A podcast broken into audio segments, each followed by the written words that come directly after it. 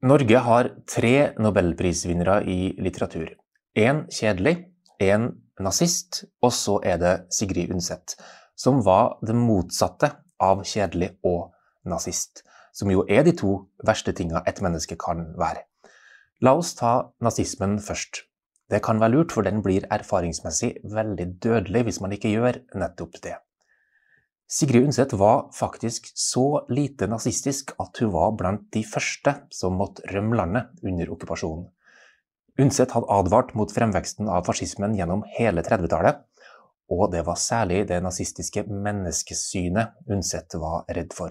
Synet på jødene, synet på funksjonshemma og alle de andre som snart skulle kanselleres av nazistene. Kanskje handla det litt om at Sigrid Undset sjøl hadde en datter Maren Charlotte, som hadde stått i den køen.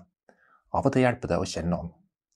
Da krigen kom til Norge, flykta Sigrid Undset fra sitt elskede Bjerkebekk i Lillehammer via Nord-Norge, Sverige, Sovjet, Japan, over Stillehavet til USA og slo seg ned i Brooklyn lenge før det ble kult, og gjennom hele krigen brukte hun tida si på ivrig agitasjon, foredragsturneer, radiotaler og ble en viktig stemme for frigjøringsbevegelsen. Mens andre av våre åndshøvdinger altså satt og koserunka på promperommet i trygge naziokkuperte Norge og skrev tåredryppende nekrologer i Aftenposten da Hitler døde. Så hvorfor ble Sigrid så usynlig og utrendy etter krigen? Var det rett og slett fordi hun var kjedelig? Eller var det motsatt? Kanskje var hun litt for komplisert og motsetningsfylt, altså spennende, i en tid som krevde enighet, klare veivalg og marsjtakt. Sigrid var absolutt ikke sosialist, og i hvert fall ikke medlem av Arbeidspartiet. Hun var katolikk, hun var ikke akkurat en tidsriktig feminist. Hun var ganske streng og storsnutet, uforutsigbar.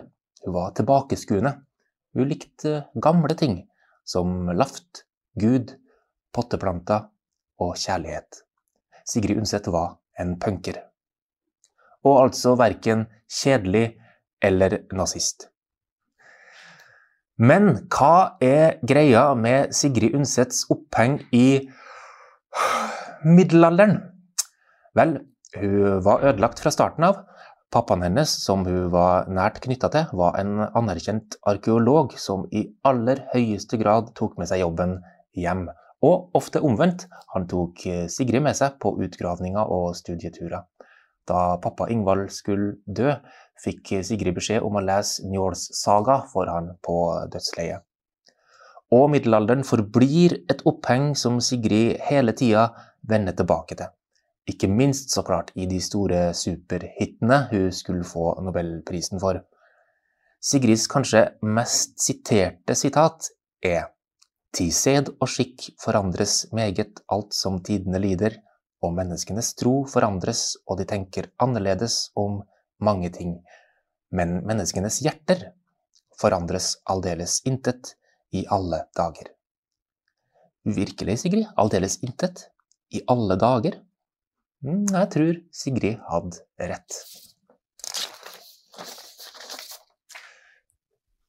Selvfølgelig forandres alt rundt oss. Kontekst, produksjonsforhold, statsdannelse av hvitevarer, hva som er innafor for privilegerte mannlige komikere å si på bar, lørdagsunderholdninga på TV. Men noe helt grunnleggende i menneskene, kjærlighetshunger, meningssøken, ensomhet, relasjonstørst, evighetsangst, tilkortkommenhet i tid og rom og kropp, la oss kalle sjel, forblir gjenkjennelig fra evighet og til evighet. Og kanskje skriver Sigrid om middelalderen for å komme inn i dette evige, bestandige, grunnleggende ved oss. Noen vil jo si at det er det Karl Ove Knausgård gjør også, sjøl om han skriver om sin egen samtid. Men en fordel ved Sigrid Undset i forhold til f.eks. For Karl Ove Knausgård, er at eh, det handler betydelig mindre om Karl Ove Knausgård. Kanskje tyr Sigrid til middelalderen for å skrelle bort alt det som ikke trengs for å fortelle om menneskene. I dag er det faktisk en slags eh, Sigrid Undset-revival på gang. Flere av Sigrids bøker blir gitt ut på nytt, oversatt til nye språk. I et eh, litteraturmagasin i USA blir Undset kalt Den nye Ferrante, som er litt rart, all den tid den gamle Ferrante er atskillig nyere enn Unset. Men det blåser utvilsomt en Unset-vind over landet nå, og også over teaterlandet. Men bemerk, det er alltid, og alltid bare, Kristin Lavransdatter. Og ikke Og ikke ett vondt ord om Kristin Lavransdatter, bortsett fra at hun er en sutrete og bortskjemt vinglejente helt til hun blir kristen. Men hva feiler det Teater Innlandet, som har valgt en av de aller minst kjente romanene til Sigrid Undset, fortellingen om Vigajot og Vigdis? Vi snakker her om Sigrid Undsets andre roman.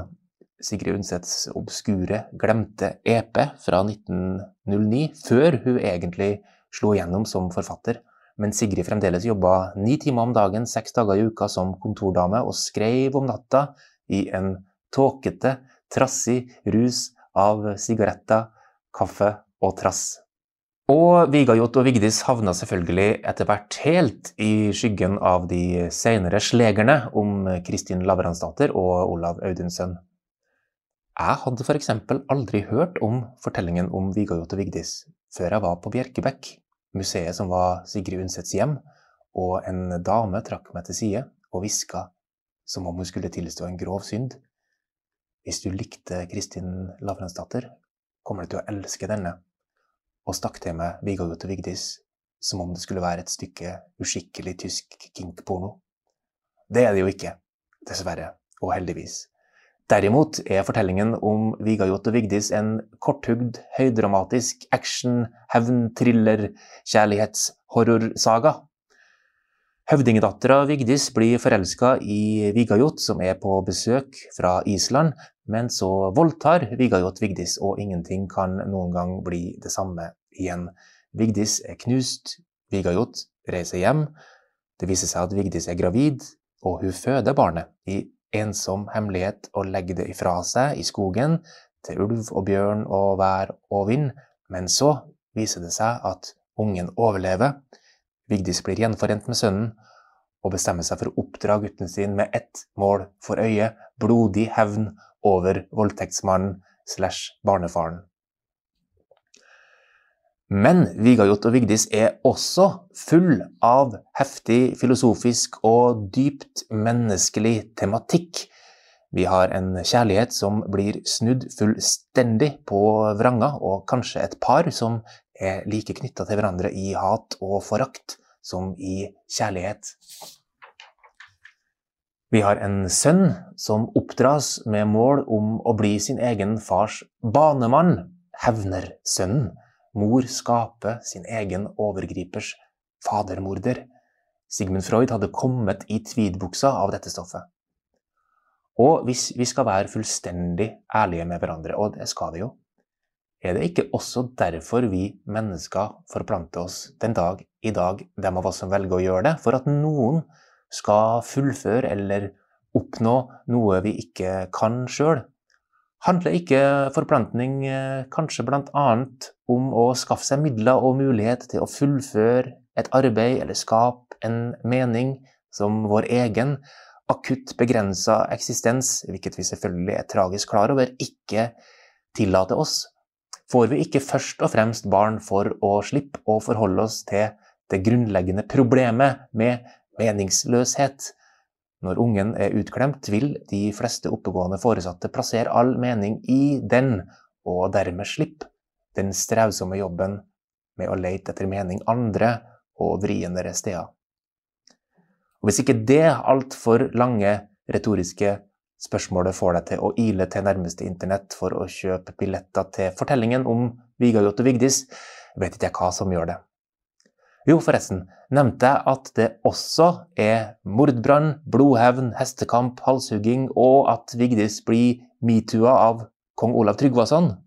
Vel, det blir mordbrann, blodhevn, hestekamp, halshugging, og Vigdis blir metoo-a av kong Olav Tryggvason. velkommen i teatret.